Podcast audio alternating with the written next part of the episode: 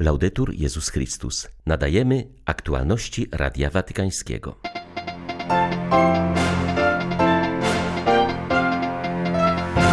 Papież przypomniał o znaczeniu dostępu do bezpłatnej służby zdrowia. Anioł Pański odmówił dziś z polikliniki Gemelli. Wciąż nie wiadomo, kiedy Franciszek wyjdzie ze szpitala. Ojciec Święty modlił się o pokój i zgodę na Haiti po zamordowaniu w ubiegłym tygodniu prezydenta tego kraju. Pozdrowił też słuchacze Radia Maryja, którzy pielgrzymują dziś na Jasną Górę. 11 lipca wita Państwa Beata Zajączkowska. Zapraszam na serwis informacyjny. Po raz pierwszy w swym pontyfikacie papież Franciszek odmówił anioł pański z kliniki Gemelli, w której przebywa od tygodnia po operacji jelita grubego. Ojciec Święty podkreślił, że w tych dniach hospitalizacji docenił, jak ważna jest dobra służba zdrowia. Papież przechodzi pooperacyjną rekonwalescencję w apartamencie na dziesiątym piętrze kliniki, tym samym, w którym siedem razy przebywał święty Jan Paweł II. Do wiernych zwrócił się wychodząc na balkon kliniki. Towarzyszyła mu grupa chorych dzieci hospitalizowanych w tym szpitalu. Sono contento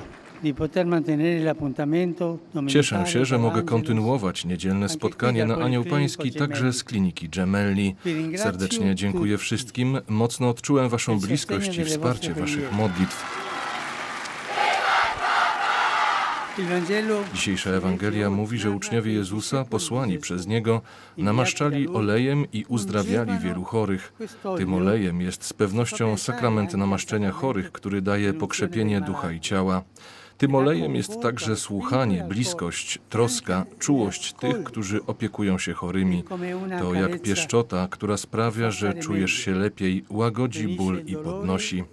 Wcześniej czy później wszyscy potrzebujemy tego namaszczenia i wszyscy możemy je dać komuś innemu poprzez odwiedziny, telefon, wyciągnięcie ręki do tych, którzy potrzebują pomocy.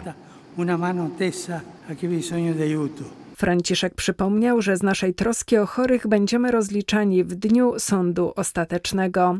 Podkreślił, że w tych dniach hospitalizacji doświadczył, jak ważna jest dobra służba zdrowia dostępna dla wszystkich. Un servizio sanitario gratuito. Opieka zdrowotna bezpłatna, która zapewnia dobre usługi dostępne dla wszystkich. Nie wolno nam stracić tego cennego dobra, musimy je zachować i w tym celu wszyscy musimy się zaangażować, ponieważ służy wszystkim i wymaga wkładu wszystkich. Pragnę wyrazić moje uznanie i wsparcie lekarzom oraz wszystkim pracownikom służby zdrowia i personelowi szpitali. Módlmy się za wszystkich chorych, zwłaszcza tych w najcięższych stanach. Niech nikt nie będzie pozostawiony samemu sobie. Niech każdy otrzyma namaszczenie słuchania, bliskości, czułości i troski.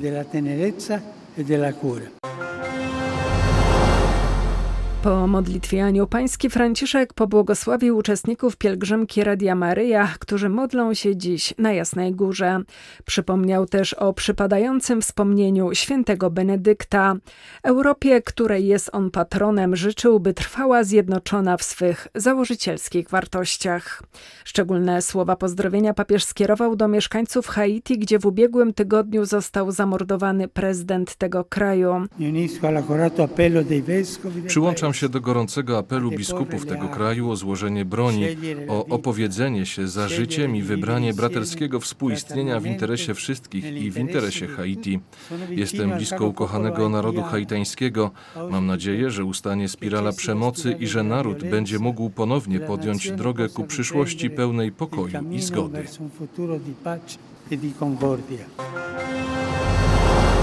Według Centrum Sprawiedliwości Społecznej w minionym roku gwałtownie wzrosły nadużycia związane z ustawą o bluźnierstwie w Pakistanie.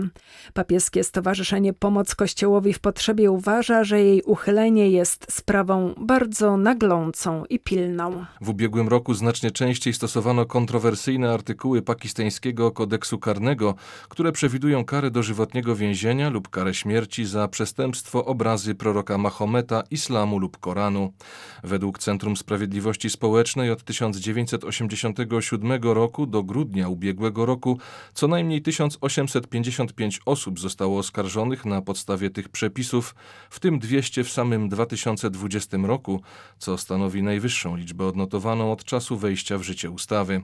Oskarżenia o bluźnierstwo wysuwane są zarówno przeciwko muzułmanom, jak i członkom mniejszości religijnych, jednak gdy domniemanym sprawcą nie jest wyznawca islamu, oskarżenia te często prowadzą do linczów, ataków tłumu na całe dzielnice i morderstw.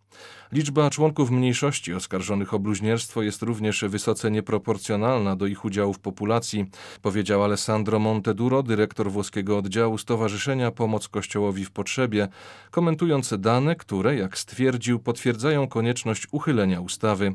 Od lat ustawa ta jest kwestionowana przez mniejszości i organizacje praw człowieka w Pakistanie ze względu na jej dyskryminacyjny charakter i nadużycia.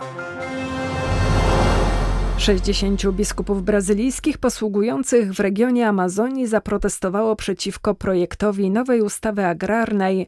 Zakłada ona uregulowanie prawnego statusu bezprawnie zajętych i wylesionych terenów w amazońskiej dżungli. Zdaniem episkopatu takie rozwiązanie miałoby negatywny wpływ na cały region. Senat przychylił się do prośby biskupów, a jego przewodniczący zapowiedział konsultacje społeczne w tej sprawie. Według biskupów Amazonii Prawne uregulowanie kwestii agrarnej Brazylii jest niezwykle istotne i wymaga uwagi całego społeczeństwa. Ponadto hierarchowie uważają, że sytuacja szerzącej się pandemii nie jest odpowiednim momentem, aby w tym trudnym czasie podjąć dyskusję nad kwestią agrarną. Według projektu prawnego Nielegalne zajęte tereny z wyniszczonymi lasami należy sprywatyzować. Mogłoby to przynieść bardzo negatywny wpływ dla całego regionu Amazonii. Amazonia nie może już dłużej czekać na podjęcie środków ochrony środowiska i zamieszkujących tam ludów tubylczych. Z Brazylii dla Radia Watykańskiego ksiądz Malczewski Chrystusowiec. Pandemia pokazała nam życiodajną rolę mediów, wskazała zarazem, jak ważne jest weryfikowanie źródeł, a nie jedynie podążanie za jak najszybszym opublikowaniem newsa. Wskazuje na to dyrektor generalny Europejskiej Unii Radiowo-Telewizyjnej EBU. Należą do niej media publiczne w 56 krajach świata. Noel Kuran podkreśla, że w czasie pandemii media publiczne odegrały ogromną rolę w przekazywaniu rzetelnych informacji na temat zdrowia publicznego. Zauważa, że rzetelna informacja jest bardzo ważna dla dobra wspólnego i rozwoju demokratycznych społeczeństw. Warto podkreślić rolę, jaką media publiczne odegrały w czasie pandemii. Stały się portalem dla społeczeństwa, stały się miejscem, gdzie ludzie szli po edukację, gdzie szli po wiadomości dotyczące zdrowia publicznego. Musimy to utrzymać również dlatego, że media publiczne przyciągają zarówno młodych, jak i starszych widzów. Chodzi o dostarczenie szerokiej gamy programów, o to, by nie kierować się wyłącznie oglądalnością i zyskiem komercyjnym, ale być ukierunkowanym na interes publiczny. Temu służy m.in. dziennikarstwo śledcze. Ważna jest informacja międzynarodowa. Radio Watykańskie wykonuje fantastyczną pracę, przybliżając ludziom świat, ale wiele mediów tego nie robi. Uważam, że dla mediów publicznych jest to ogromny błąd, ponieważ jest to również część naszego mandatu jako służby publicznej, że patrzymy poza siebie i przedstawiamy świat naszym odbiorcom, gdziekolwiek się znajdują. W Luwrze powstanie specjalny dział poświęcony Bizancjum i chrześcijanom wschodnim. Jego utworzenie zapowiedziała nowa dyrektor tego prestiżowego muzeum. Wskazuje ona, że dziś nie wystarczy jedynie wystawiać eksponatów związanych ze światem bizantyńskim, trzeba go przede wszystkim na nowo tłumaczyć i przybliżać współczesnym odbiorcom. Nowa inicjatywa Louvru jest bardzo ważna, ponieważ współczesny człowiek niezainteresowany już studiami klasycznymi z coraz większym trudem rozumie Bizancjum. Naprawdę mało kto widzi jego wpływy we współczesnej sztuce, literaturze, teatrze, mówi Radio Watykańskiemu Joanna Rapti, znawczyni historii i archeologii bizantyńskiej oraz chrześcijańskiego wschodu. Powstanie nowego działu w Louvre może być jedynie korzystne nie tylko dla chrześcijan wschodu, ale także dla opinii publicznej i społeczeństwa zachodniego, które zostanie uświadomione o pluralizmie naszego świata i o naszej przeszłości. Ekspozycja w Louvre nie uratuje chrześcijan wschodu, których wytrwałość na przestrzeni wieków godna jest podziwu. Jestem jednak pewna, że ten dział pozwoli nam wszystkim zrozumieć wielość i bogactwo średniowiecznego świata, znaczenie religii jako systemu myślowego, różnorodność kulturową i językową, a wreszcie pozwoli nam zrozumieć cały kanał transmisji myśli starożytnej, który ukształtował nowoczesne, zachodnie i europejskie społeczeństwo. To dziedzictwo jest lustrem, w którym nasze społeczeństwo widzi siebie i swoją przeszłość. Jest to niezwykle ważne dla naszego samookreślenia, zachowanie, docenienie i zrozumienie dziedzictwa chrześcijan wschodu służy także docenieniu i zrozumieniu naszej własnej inności. Na początku wakacji Kościół w Hiszpanii organizuje kampanię odpowiedzialności na drodze. Tegoroczna przebiega pod hasłem Zaopiekuj się nim, dobry Samarytanin w drodze i jest już 53. dniem odpowiedzialności za ruch drogowy organizowanym przez Kościół w tym kraju. Biskupi apelują do kierowców o odpowiedzialność na drodze, szczególnie teraz, kiedy rozpoczynają się wakacje. To, że cała rodzina jest z nami w tym samym samochodzie, wymaga jednak od kierowcy maksymalnej uwagi i odpowiedzialności na drodze, aby podróż, która zaczęła się z entuzjazmem, zakończyła się szczęśliwie, napisali biskupi w specjalnym przesłaniu na Dzień Odpowiedzialności za Ruch Drogowy.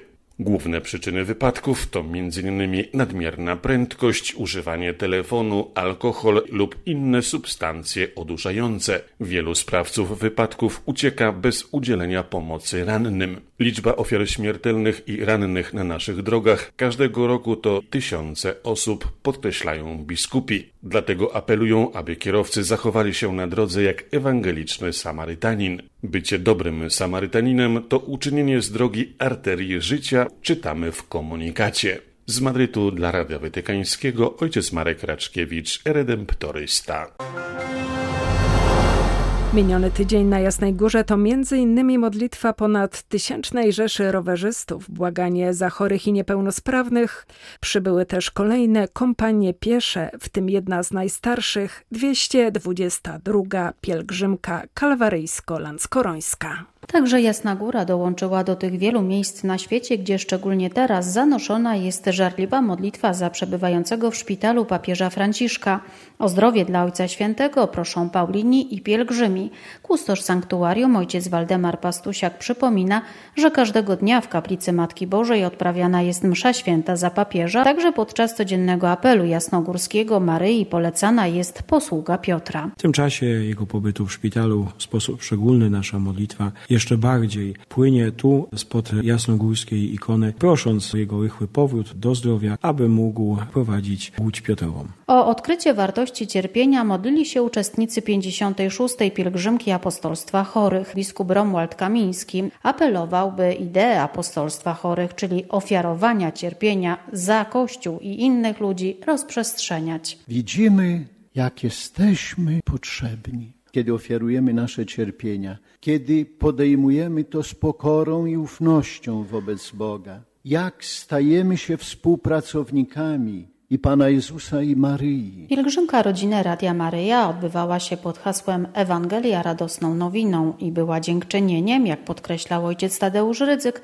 za 30 lat istnienia i ewangelizacyjnej posługi Radia Maryja Bogu, Kościołowi i Ojczyźnie. Dla Radia Watykańskiego Izabela Tyras, Biuro Prasowe Jasna Góra News.